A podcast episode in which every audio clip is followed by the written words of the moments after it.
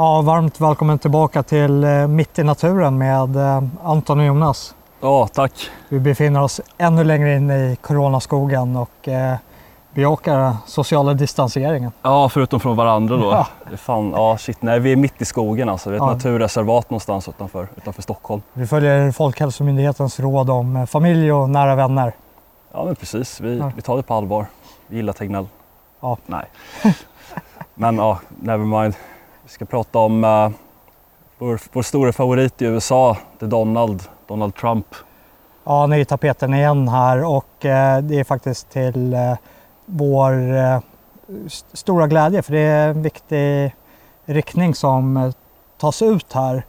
Och eh, det som har varit på tapeten här i Amerika när de närmar sig ett presidentval och befinner sig mitt i en pandemi är att Demokraterna ville att man skulle få möjligheten att eh, skicka in sina röstsedlar Mm. varpå eh, Donald Trump, nuvarande presidenten, eh, varnade för att det här kan resultera i ett eh, lättare att valfuska och att det kommer riskera ett omfattande valfusk och gick ut och varnade för det här på Twitter varpå Twitter gick in och satte en så kallad fact check på hans eh, tweet. Just det. Alltså menar på att det här är då fake news. Mm, just det. Och det, det gjorde ju Trump väldigt upprörd på det sätt han brukar bli när någon Ja. ifrågasätter honom. Men det, är- det är med, med all rätt, för vi har haft ett eh, övergripande problem med eh, alla sociala medieplattformar och även med de eh, sökmotorer som finns varav eh, Google Search Engine tros vara den största och mest dominerade på marknaden. Och det är ju att de reglerar över vilket eh, innehåll som ska lyftas fram och eh, vilket innehåll som ska begränsas. Och det ironiska med det här är ju att vem är det som står för den här faktakontrollen? Och i Twitters fact check mot eh, presidenten så hänvisar de till CNN och sen så blev de rebuttade av Wall Street Journal vilket menar på att ja, men det här är ju faktiskt korrekt fakta. Och när man granskar fakta, speciellt i en politisk diskurs över vem som har rätt eller fel i, där det oftast rör sig om ett åsiktsparadigm är ju omöjligt att göra. Ja, nej det där med fact check är ju det är number one bullshit. För att Ja. den stora tänkaren Khabib. Nej men det, det som hände var ju så här att när Trump började sin valkampanj och det blev populärt med det här under 2015 och 2016 så jag är lite osäker på hur det började men, men någonstans så lyckades ju vänstern i bred mening, liberalerna, spinna narrativet om att, att Trump var ovetenskaplig och att han var en fiende till vetenskap. Och, och det blev lite en grej av att eh, folk som var emot Trump, Trump började helt plötsligt ha eh, marscher för vetenskap och, och det började bli en hel del med det här fact check att man, man från medias sida anlitade olika typer av vänsterorienterade experter för att, för att uttala sig i olika frågor och för att, för att säga emot om exempelvis Trump eller någon i hans administration eller svenska politiker från Sverigedemokraterna eh, sa någonting då som man, inte höll med om. Och det, det som är den stora ironin i det här är ju att alltså, vänstern har ju inte på många år haft någon respekt för vetenskap. Det, det kan man ju säga att om om en tidig vänsterman som, eller marxist då, som Karl Marx eh, och Friedrich Engels såg sitt, sitt projekt som ett väldigt vetenskapligt projekt. Men vänstern sen dess, sen typ 40-talet, 50-talet och framåt har ju gått i en helt annan riktning. Men när man tittar på folk som Frankfurtskolan till exempel som avvisade borgerlig vetenskap därför att de, de ansåg att den var, den var bara lojal och bekräftade det rådande klassystemet. Ja. Och, och det man skulle göra istället var att formulera en, en så kallad kritisk teori då, där man skulle undergräva det existerande samhället på olika sätt. Och sen har det där fortsatt och, och liksom nått nya höjder i och med postmodernism och sådär. Så man kan tycka att det är, om man tittar på det idéhistoriskt så är det fullständigt bisarrt att folk på vänsterkanten går ut och har marscher för vetenskap. De, de, de hänvisar till de här faktakontrollerna och hänvisar till vetenskapen just på grund av att det främjar deras idé över hur samhället ska styras idag. Och om eh, Mm. vetenskapen går emot deras politiska åskådning, ja, men då kommer de åsidosätta den vetenskapen. Och det här är lätt att skärskåda. Det är bara att lyfta upp eh, diskussionen kontra arv och miljö. Ja, över vad det är som formar människan. När det eh, våra gener med förprogrammering likt alla andra däggdjur som agerar på olika former av instinkt och så förprogrammerat minne i, i ens gener och eh, generna som skapar förutsättningar över vad du kan ta dig an i livet. Det finns ju ja, men, två korta människor kommer inte att föda ett barn som kommer kunna utmana eliten i basket. Liksom. Det, det, finns inte det är på grund av de genetiska begränsningarna och inte de, den sociala uppväxtmiljön de befinner sig i. Och, eh, de här människorna på vänstersidan eh, lägger ju en väldigt stor tonvikt på det socialkonstruktivistiska, att människan kan formas.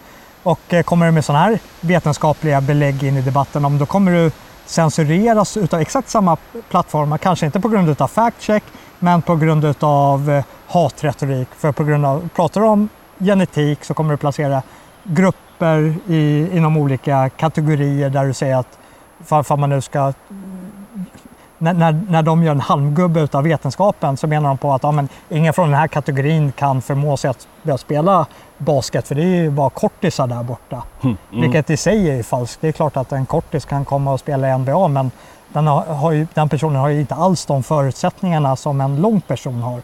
Och det samma gäller i, inom andra kontexter också såklart. Ja, men, men eh, verkligen. Innan jag släpper in dig.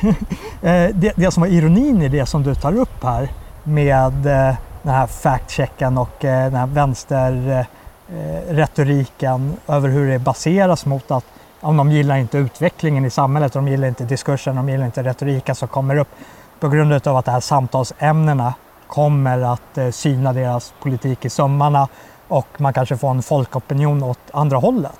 Och här är det viktigt att komma ihåg att vi faktiskt redan har en folkopinion eh, åt andra hållet när det rör frågor om eh, till exempel massinvandringen till eh, Europa, i västvärlden i sin helhet. I alla länder, Sverige inget undantag, så vill majoriteten av befolkningen inte ha en utökad invandring. Och det syns gång på gång i de opinionsundersökningar som frågar om just den här frågan specifikt. Mm. Men det de här vänsterdebattörerna gör är att lyfta fram att ja, de röstar ju på sjuklövern och när Sverigedemokraterna kom in i riksdagen, ja men 95 procent vill fortsatt ha den här invandringen. Trots att när man kollar på opinionsundersökningarna för den enskilda sakfrågan så är det en majoritet som inte vill att eh, vi ska fortsätta på den här inslagna linjen. Så det, det vänstern gör är ju att eh, skapa en havererad eh, Eh, grupp av fiender som inte kan stå enat och samlas kring det här ämnet. För eh, om de människorna som inte vill ha en fortsatt invandring gör, eh, försöker komma till tals om det här, ja, då kommer de associeras med eh, de personer som media har valt att svartmåla som har lyft de här frågorna till upp på den politiska agendan. Så om en moderat eller kristdemokrat eller en socialdemokratisk väljare vill ha minskad invandring och gör sin röst hörd för det här, ja, då kommer han att bli svartmålad som sverigedemokrat. Varpå han håller för sig själv och eh, kanske yppar den här åsikten i en anonymiserad eh, opinionsundersökning. Och på samma linje som nu när Twitter Fakta kontrollerade eh, USAs president så gick eh, Richard Dawkins in mm, och, och eh, tweetade att eh, all form av faktakontroll borde ju välkomnas. Vilket är eh, i min värld helt absurt över hur, jag, jag har ju läst lite av vad Dawkins skriver och eh, han hade en ganska fin formulering över vad människan är utifrån hans forskningsperspektiv. Och det är att människan är ingenting annat än en eh, maskin för eh, vår DNA som förs vidare över generationsgränserna. Så vi är en överlevnadsmaskin för vår DNA. DNA är det enda som överlever över tid. Och eh, det ironiska här är ju att vårt DNA överlever vi kan hitta en partner i de sociala kontexterna vi existerar om vi hänger oss till de kollektiva uppfattningar som råder i den nuvarande situationen. Inte genom att vara autistiska vetenskapsmän som ska räcka upp handen och berätta om vad som är objektivt vetenskapligt sant eller inte. Och eh, när du befinner dig i ett forskningsfält och du vill att ditt material ska bli faktagranskat för du är ute efter vad som är objektivt sant eller inte och det är därifrån Dawkins kommer. Men det är inom den naturvetenskapliga miljön och allt inom den publika diskursen är inom den socialvetenskapliga miljön. Och då gäller andra regler och då är det viktigare med den kollektiva uppfattningen till vad som är rätt eller fel. Alltså moraliska spörsmål snarare än naturvetenskapliga spörsmål. Det kommer inte vara Dawkins och eh, hans eh, forskargelika som kommer sitta och faktagranska på Twitter. Det kommer vara mm, din eh, feministiska granne och din socialliberala kusin som kommer sitta där och... Det blir en fråga om någon sorts politiska officerare egentligen. Som kommer att sitta. De kommer sitta och värdera åsikter, de kommer inte sitta och granska dem.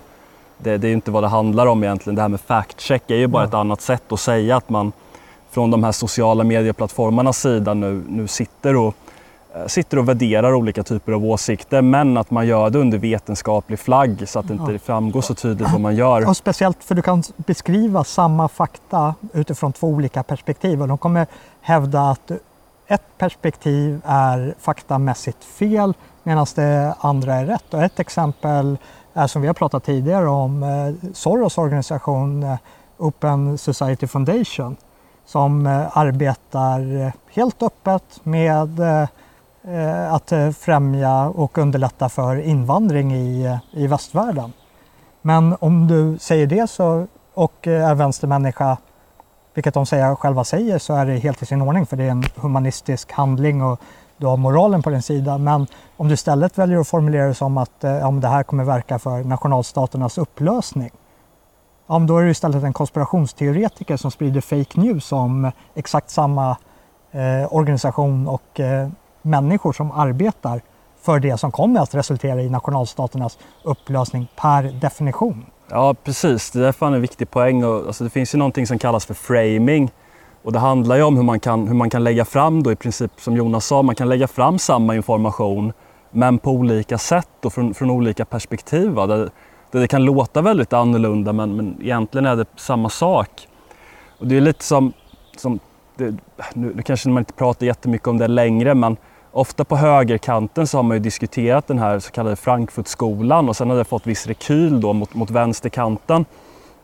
Men där kan man väl säga att en, en uppfattning som vuxit sig ganska starkt bland vissa personer på högerkanten var eh, att Frankfurtskolan skulle kunna betraktas som någon sorts lite mer identitetspolitisk judisk rörelse där de här människorna Eh, utifrån den här identiteten formulerar uppfattningar för att undergräva vissa centrala koncept för den västerländska civilisationen.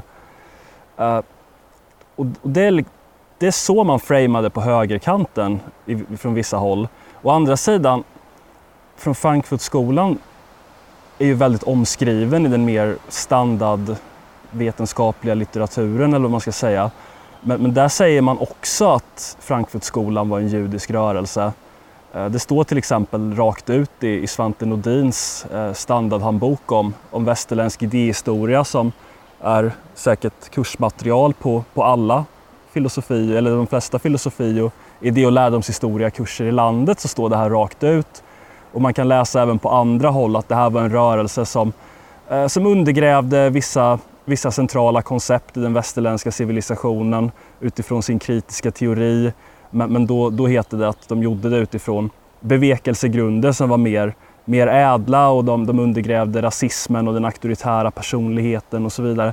Men vad de här två olika sätten att, att lägga fram det på beskriver är samma sak. Men en har en negativ prägel och en har en positiv prägel. Men om, om någon hade lagt fram det här på Twitter med den negativa prägeln, då hade de blivit fact-checked och eh, det hade, det hade censurerats förmodligen och de här personerna hade blivit avstängda. Fast de i princip säger eh, samma sak som, som den här andra sidan då. Så det, det är någonstans där resonemanget med fact-checks inom, inom politik haltar. Därför att det, det handlar om, det är klart att om jag säger att eh, Sverigedemokraterna i valet 2010 när de kom in i riksdagen fick 19 procent, när de fick 5,7 procent. Det är klart, det kan fact, ja. det, det, man kan kolla upp det, det är en fråga om objektiv fakta men det är inte oftast, oftast ser det inte ut så utan det blir en fråga om att snarare värdera åsikter och perspektiv snarare än att liksom komma åt den här ja. faktan som de här vill, vill man, säga man, någonting om. Man kan ta det ännu, ännu hårdare och det är så här, ja men gå ut, vi spelar fram bandet några år med nuvarande utveckling och så skriver du att ja, men det finns två kön. That's it. Du kommer bli fakta stämplad. på en liten så här stämpel under din tweet som rättar dig med att det finns eh, x antal kön beroende på den framtida tidsandan. Över... Och det, det, det skrämmande är att det går ju alltid att hitta någon som kommer hålla med om det här. Det går ju säkert att och, gräva fram någon, någon vänsterradikal psykolog vid något amerikanskt prestigeuniversitet som kan, som kan tala om att det i själva verket finns ett obefintligt antal, eh, eller ett, ja, i princip ett, vad säger man? Hur många kön ja. som helst. Va? Det ja. finns ingen gräns på hur många kön det finns. Du måste lägga en eh, liggande åtta för du ska beskriva mängden kön. Ja, men Eller åtminstone könsidentiteter för man ska göra en sån distinktion också. Och det var ju här som var, eh, blev en e-, eskalering då mellan Twitter och president Trump. Och det var att den här första tweeten då om de här brevrösterna blev faktagranskad och Sen så skrev han en ny tweet sen som belyste oroligheterna i, eh, i Minneapolis. Mm.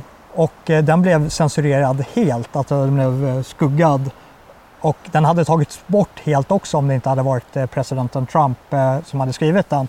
Och det gjordes då med med, med motiveringen från Twitter att det var utav allmän intresse ändå så att de inte tog bort den helt utan de bara skuggade den och enda sättet att eh, dela den här tweeten var att om du själv kommenterade till tweeten.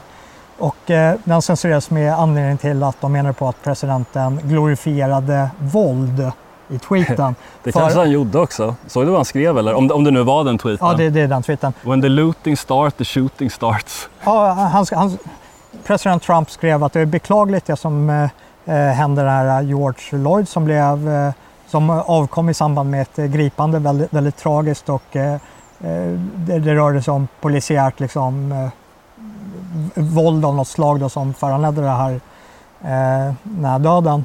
Och att de här människorna nu som plundrar, sätter eld på stadsdelar, att de vanärar minnet till den här personen som avled och att de fortsätter att plundra. Ja, men det, det kommer resultera i att eh, lagen kommer att upprätthållas med, eh, med den här uh, ordvitsen, eller vad man ska dra det. Alltså, when the looting starts, the shooting starts. Ja, precis. Och eh, någonstans längs vägs ände har han inte fel. Om polisen går in och försöker avbryta en plundring och plundrarna gör eh, våldsamt motstånd mot polisen, ja, då är man inne i en våldsspiral som avslutas med att eh, vapen kommer att avfyras. Så det gäller oavsett vilket land du befinner dig i, utan det är, det är en hård verklighet. Förutom nu, i Sverige typ?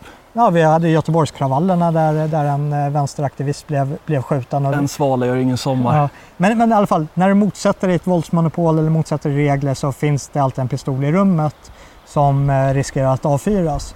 Och eh, här kommer vi in på faktagranskningen igen. Och det är så här, vem är det som sitter på faktakontrollen och avgör när någon part glorifierar våld eller inte?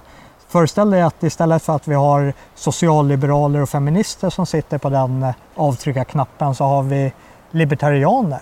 Ja, men då kommer ju alla som tweetar någonting om någon form av omfördelningspolitik mm. att mena på att eh, om det här är ett glorifierande av våld på grund av att de vill tillförskaffa sig resurser som de inte har och de vill göra det via proxy med staten som gör det med hjälp av hotet om våld, att våldsmonopolet kommer göra sig påmint om inte de här sakerna överlämnas frivilligt för att kunna omfördelas ut dit.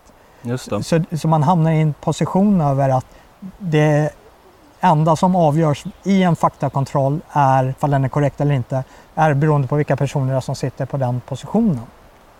Ja, det, det, är någonting man kan säga generellt. Vi skulle ju komma in på det också. Att Trump har ju nu tagit ställning mot det här. Ja. Han har tagit ställning mot det här, det här monopolet på, på för Det har varit ett problem under väldigt lång tid nu att alla de här stora, eh, stora monopolen inom den intellektuella infrastrukturen på nätet med Twitter, Facebook, Youtube och så vidare. De här plattformarna som i princip har blivit oumbärliga för informationsspridning därför att de har en sån monopolställning. De är ju utmärkta exempel också på vad man kan kalla för vänsterorienterad kapitalism eller vänsteroligarki därför att det är stor, enorma företag med gigantiska resurser som, som har uppnått då den här monopolställningen. Men samtidigt så, så styrs de efter efter moderna vänstervärderingar. Att de, de ger sig framförallt på att censurera folk på högerkanten som har fel åsikter av det, det Trump gjorde att han skrev under en exekutiv order som kommer att ställa det på sin spets, inte bara Twitter utan alla sociala medieplattformar och även eh, sökmotorer till över huruvida de ska kunna fortsätta upprätt, upphålla immunitet för det som publiceras på deras plattformar. Och eh, det är den här immunitetslagen som skyddar de här plattformarna över vad som skrivs på, på dem baseras ju på att de ska förhålla sig neutrala till det som skrivs också. Mm. Alltså det att eh, betrakta som att eh, till exempel våra telebolag är immuna för att eh, inte kommer inte ställas till åtal fall någon använder deras telenät för att förbereda ett brott så kommer inte telebolagen att ställas som medmisstänkta för Nej, den handlingen utan de är friskrivna över vad som sägs på deras egna telenät. Och sen så kan ju såklart telenätet samarbeta om det förekommer brottslig verksamhet när det kommer till avlyssningar och annat och samarbeta med staten i de avseenden. Och eh, samma sak då var det tänkt att gälla för eh, de här sociala medieplattformarna när den här lagen eh, gick in och skyddade dem på slutet av 90-talet. Men med skillnaden över att de inte har förhållit sig neutrala utan att eh, de ägnar sig åt eh, redaktoriellt arbete när de eh, censurerar konservativa röster, när de arbetar med sina algoritmer för att höja upp socialliberala röster samtidigt som högerkonservativa röster trycks ner. Det ser vi på Youtube med vår egen kanal också. Palestra Media är avmonetiserad av Youtube. Vi följer Youtubes policies till punkt och pricka. Vi har inte brutit mot någonting och i samband med att vi avmonetiserade så kommer vår Youtubes algoritmer också inte att eh, främja vårt innehåll för att nå en bredare publik eh, i och med att eh, det sker på dels att vi inte kan tjäna pengar på kanalen men Youtube kan inte heller få in samma mängd annonsintäkter på vårt material som den kan få in på en kanal som är inte är avmonetiserad och den kommer då därför att höjas upp i deras algoritmer och få en större spridning än vad vår kanal får. Mm. Och därför är det viktigt att ni som konsumerar alternativmedia, för det här gäller inte bara vår kanal, det här gäller all form av eh, högeralternativ högeralternativmedia, att ni också hjälper till att dela materialet vi eh, producerar just på grund av att vi lättare ska gå, nå ut med det. För vi blir motarbetade av den plattformen vi existerar på och det är med anledning av att vi hyser politiska åsikter som de inte gillar. Och eh, om, man, eh, om de verkligen inte gillar en ja, då blir man avstängd helt och hållet. Det var ju det som hände med Jeff Ahl här från Youtube och Ingrid Karlqvist och de stängde av Swebb-TV också. Och eh, de har stängt av de här ut, helt rättsvidrigt utan någon möjlighet att överklaga, utan någon större motivering till varför de har stängts ner. Att, eh, de, de kanske hänvisar något väldigt löst till att de har brutit mot någon eh, hatpolicy utan att kunna konkretisera vad det är de har sagt eller förmedlat som skulle varit hat. Och eh, det är väl här den stora distinktionsskillnaden är från att de ska hålla sig neutrala eller inte. Och det är att om de förhåller sig neutrala, då måste de också förhålla sig till den rådande lagstiftningen. Att eh, säger vi någonting som är olagligt, ja, då kan de också gå in och hjälpa den eh, svenska staten i det här fallet, eller amerikanska om man befinner sig där, och hjälpa till att upprätthålla lagen och eh, förmedla IP-adresser och allting annat som eh, många domäner gör när det rör sig om eh, olaglig verksamhet. Men om vi inte agerar olagligt, vi säger saker som vi kan säga i öppna svenska publika torget, ja, då måste vi kunna säga det på Youtube också.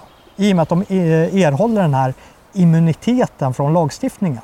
Och erhåller de inte den här immuniteten från lagstiftningen, då är de också ansvariga vad som sägs på deras plattform som vilken annan redaktion som helst. Mm. Och det ser vi på, tydligt på Facebook i Sverige där vi har haft eh, mycket äldre pensionärer som har haft eh, privata Facebookgrupper eh, som har växt väldigt stora. Där det har varit kommentarer som har brutit mot till exempel hets mot folkgrupp. Och på grund av den här immuniteten som de här plattformen hyser för att de inte tar det här redaktoriella beslutet över vad som skrivs där så är det de här enskilda medborgarna och användarna som har dömts. Men tar man bort immunitetslagstiftningen, ja, då är det istället plattformen som döms. Då är det en ansvarig utgivare som får sitta inne. Och eh, det innebär ju undergången. Det innebär ju att de här plattformarna kommer få lägga ner. Ja, ja men precis. Och eh, hamna bakom lås och bom. Men hur ska, ska man kunna moderera sånt på Twitter liksom? Det är fullständigt omöjligt. Så nu eh, om den här utvecklingen fortsätter och Donald Trump följer upp den här exekutiva orden och fortsätter bemöta de här sociala medieplattformarna så hoppas jag verkligen att eh, censuren utav avmonetisering av vår kanal, censuren eh, och nedtryckning med algoritmerna försvinner, att Jeff Ahl och Ingrid Carlqvist kan komma tillbaka till den här plattformen och framförallt att vi slipper självcensurera oss själva. Det, det är också en väldigt stor aspekt i att varje, varje morgon man vaknar upp, det är nästan så att man går ut och kollar om man har kvar kanalen, för man vet mm. inte. Nej, man, är, man är rättslös på grund av att det är inom citat ett privat företag vi har att göra med. Men det är det inte. Nej, det här privata det, det... företaget erhåller immunitet utav vårt system för att vara neutrala. Precis. Vilket de inte är. Det, det, finns ju en inneboende logik i, i det här, just den här typen av företagsamhet också. Att den största konkurrensfördelen som exempelvis Twitter eller Youtube har, det är att alla är där.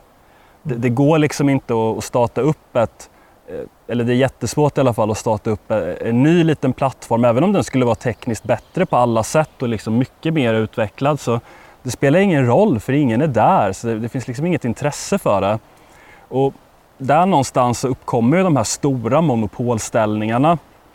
Där de här företagen i princip blir oumbärliga därför att alla konsumerar dem.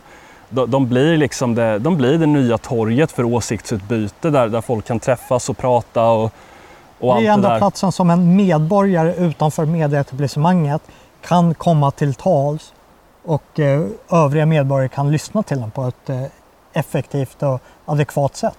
Absolut. Man kan tycka att det finns lite ironi i det här att någonstans så kan man jag har åtminstone, det säkert du också, ännu mer så, en, en sorts grunduppfattning om att eh, en av, något, en av de bra sakerna med fria, den fria marknaden är att man man kan balansera allt det här som staten håller på med. Att, eh, det, ska inte bara vara statlig media. Jag, jag är ju helt emot public service till exempel. Jag tycker det är en fruktansvärd idé. Det är ju liksom Nordkorea och Sovjetunionen rakt över det. Det är ju bara instrument för indoktrinering.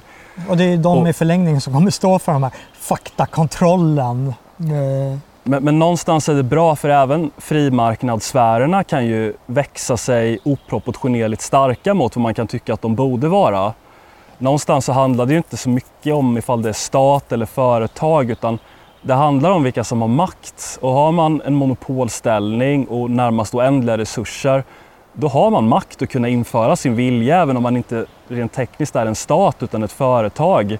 Och någonstans blir det nödvändigt där att gå in och balansera upp det här från politikernas håll och förklara för de här plattformarna att de kan inte bete sig hur som helst. Och särskilt i det, och det kommer ju aldrig att hända med, med nuvarande svenska politiker därför att de här Twitter och Youtube och Facebook de, de förstärker ju den rådande ordningen, de försvarar ju det, det, nuvarande politiska systemet. Det är ju politikernas motståndare som de censurerar och trakasserar på olika ja. sätt. Istället för att svensk regering tar det här yttrandefrihetsproblematiken på största allvar, att vi har eh, stora internetbolag, alltså big tech globala företag som har sån makt över den svenska politiska diskursen att de faktiskt kan avgöra svenska val beroende på hur de väljer att deras algoritmer ska lyftas upp ett budskap eller inte. Mm. istället för att svensk regering tar och hanterar det här så ska vi inrätta en ny myndighet som eh, ska ägna sig åt det psykologiska försvaret utav vad de menar på är subversiv eh, informationspåverkanskampanjer från främmande makt. Och eh, läser man mellan raderna så alla gånger som svensk stat har menat på att det har rådit påverkanskampanjer så har det ju varit gånger då oppositionen har lyft problem med till exempel invandringen. Mm. Och då har det hetat att ja, Ryssland vill spä på polemiken i svenska samhället. Och, det, det ligger i Rysslands intresse att få ett splittrat eh, eh Sverige i Östersjöområdet, i liksom geopolitiska arenan. Och därmed så kan man klumpa samman eh, opposition eh, som blir censurerad på de här sociala medieplattformarna, likt oss själva på Youtube eller på Twitter eller Facebook tillsammans med vad de då skulle mena är en utländsk eh, påverkanskampanj rörande informationsspridningen i Sverige. Så istället för att eh, kalla till sig de här eh, big tech-företagen så gör de ju gemensam sak med dem för att eh, tysta oppositionella. Alltså man kan ju tala om att det här gamla fina uttrycket att sila mygg och svälja kameler aldrig har varit mer applicerbart. För Alltså, jag, jag, jag, jag, jag har inte insyn i, i all liksom, oppositionell eller alternativ medieverksamhet. Jag vet att det finns folk som är väldigt Rysslandsvänliga och sådär. Men att det skulle finnas någon sorts stor omfattande konspiration som, som dirigeras från Ryssland och där, där, folk får pengar av Putin för att, för att bilda opinion mot svenska politiker. Det, det är liksom så bisarrt och, och främmande att det går knappt ens att kommentera. Men, men, men här så, så är det ju censur som pågår i öppen dager med politiska förtecken där folk på högerkanten censureras och trakasseras på olika sätt av de här vänsteroligarkiska storföretagen. Och det ignorerar man fullständigt. Det, det, betraktas inte ens som ett problem eller det liksom ryms inte inom någon problemställning. Jag tror inte att det finns en enda person som sitter och Säpo och låter sig vara bekymrad över det här. Däremot har de säkert massa folk som sitter och lägger pannan i djupa veck över hur man ska liksom slå tillbaka den här stora ryska konspirationen. Ja. Och det, det där blir det lite intressant också för de försöker ju att misskreditera människor i opposition genom att associera dem med främmande makt. Alltså, de kallar i princip oss Sverigevänner för landsförrädare, mm. vilket i sig är ganska ironiskt. Men, eh, och, eh, jag tänkte att det kanske kan vara lite samma sak med, eh, med Trump här i det här avseendet och det är att Ann Coulter som har, varit, har stött Trump innan han blev president under även nomineringstiden innan valet har varit väldigt kritisk mot Trump i form av att eh, han inte har agerat tidigare. Att det har varit stora konservativa röster som har blivit eh, så kallade deplatformed, som inte får vara på Twitter i överhuvudtaget, fått sina konton nedstängda, haft miljoner följare, däribland att eh, Milo Yiannopoulos och Gavin eh, McInnes och eh, då var Trump då tyst då, enligt eh, Ann Coulter. Och jag tror att en av anledningarna kan vara att varför den här exekutiva orden kommer just nu är för att Trump själv blev drabbad vilket i sig liksom, det, det, är ganska uppenbart att så är fallet. Men han spelar ju mot en motståndare också. Den motståndaren är ju ett stort social, socialliberalt vänsteretablissemang. Och ett av deras främsta vapen i sin arsenal är just det här associationskortet som de mm. spelar mot oss svenska oppositionella genom att mena att vi är landsförrädare för att vi går Rysslands ärenden, genom att vi splittrar den svenska Eh, gemensamma bilden och menar på att vi är ett splittrat samhälle och den enda som tjänar på det, ja, men det är Ryssland. Och eh, på samma sätt så kanske Trump då resonerade att ja, men om jag går ut och gör, ger en sån här exekutiv order i samband med att Gavin McInnes eh, blir avstängd, ja, men då kommer de här eh, korten att spelas att eh, speciellt med tanke på hur eh, medieetablissemanget försökte framea Charlottesville.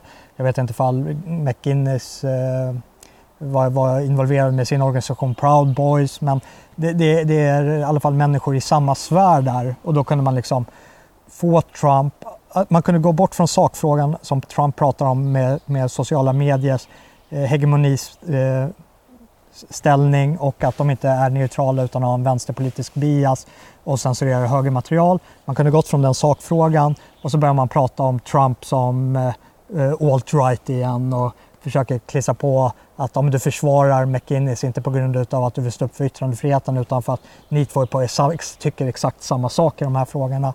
Och eh, genom att vänta tills han själv eh, råkade ut för det här så har han nästan avväpnat det kortet. Det är svårt att säga att ja, men du agerar på grund av att det är människor som du tycker om som har blivit drabbade. Utan det är han själv som har blivit drabbad. Och det är inte bara han själv som har blivit drabbad utan det är hans ämbete som har blivit drabbad. Mm. Vilket är extra viktigt, vilket gör det blir, blir svårare att arbeta med det här associationsangreppet. Så det vänstern och det socialliberala etablissemanget nu slår med är ju att eh, ja, men Trump är, är burdus på, på nätet. Och, Svårt att säga emot. Ja, jo, jo. Men det är så, därför vi älskar honom.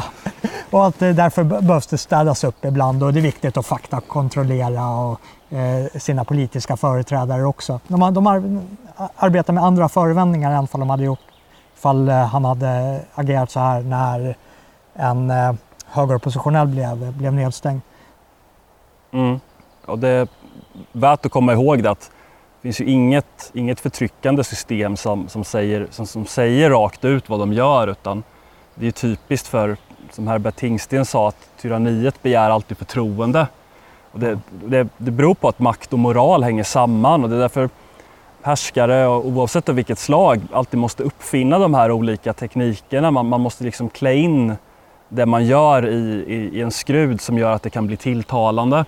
Och i det här fallet då så har man ju hittat sin weaponized science, eller hur man, hur man ska uttrycka det ja. på svenska, alltså, alltså, vetenskap som, som ett politiskt vapen då på något perverst sätt. Att man, man låtsas att det här handlar om en respekt för fakta och en respekt för naturvetenskapliga metoder och sånt där, vilket, vilket vänstern all, liksom inte har haft på, hund, på hundra, sedan Karl Marx skrev i princip.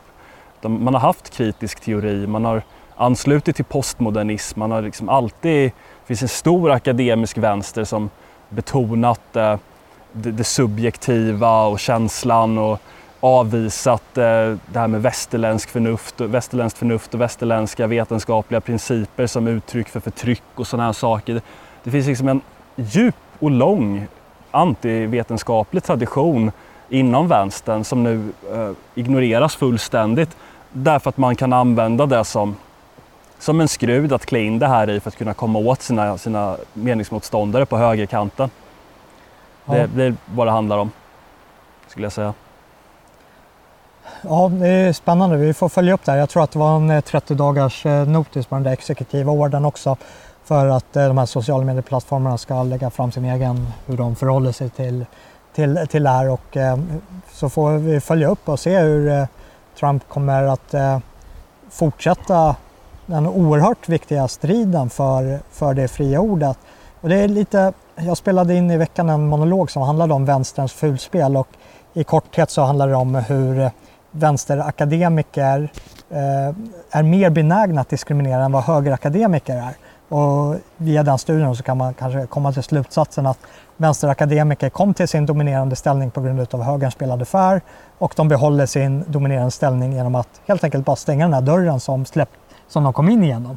Och det ser man så här, samma tendens med eh, nu på Twitter med det här fulspelet där de låtsas vara en eh, free speech-plattform men ändå censurerar högerkonservativa åsikter och eh, lyfter fram eh, socialliberala. Alltså vi, vi blir slagna på ganska kraftigt här vi, i oppositionen. Och det vi säger tillbaka, vi säger som de gamla högerakademikerna, vad sägs om att vi spelar fair? Mm. Och det är frågan om det räcker. Det är liksom, ifall vi befinner oss i, i, oavsett vilken idrott det är, ifall vi är på en eh, fotbollsplan eller i boxningsringen eller vad det än är. Det räcker inte bara med att hålla att reglerna upprätthålls och hålla tätt eget mål för att vinna utan vi måste ju sätta några bollar själv också.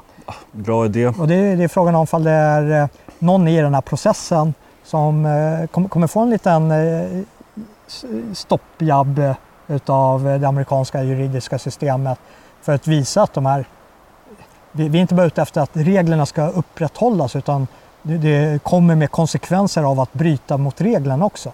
Och det tror jag är en eh, oerhört, eh, det, är en viktig del i att säkerställa att reglerna följs. Och det är att det kommer med konsekvenser om man inte följer reglerna. Precis, jag vill bara säga en sista sak innan, innan myggorna käkar upp oss här.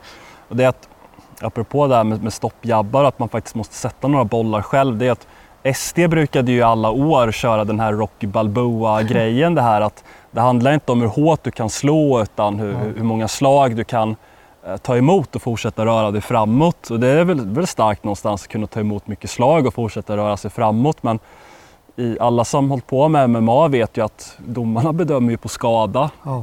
Alltså hur mycket skada du orsakar din motståndare, inte hur mycket skada du själv kan, kan ta åt dig och fortfarande stå på benen. Det är snarare för till publikens jubel än någonting annat. Precis, och jag har bara tänkt på att hur skulle man kunna kontra det här med något annat citat? Jag såg ju den här Conan-filmen för flera år sedan. Mm. Sitter Conan där med sina, sina barbariska vänner och så frågar jag honom Conan, vad är det bästa i livet? Mm. Och så svarar han att krossa sina fiender, att driva dem framför sig och att höra deras kvinnors klagosång. Ja, jag kommer osökt tänka på Ted Cruz men jag, jag vet inte ifall eh, presidentämbetet hade skötts bättre med han framför, framför Trump. Ja. eh, tack för att ni har tittat och eh, för er som har lyssnat så görs det på Spreaker. Eller snarare, för, för er som har tittat om ni vill lyssna så finns vi på Spreaker också. Och eh, om ni vill stödja podden och eh, Palesi Media så kan ni göra det på Swish-numret eller på bankgirot här under. Ja, men toppen. Tack så mycket. Syns nästa vecka.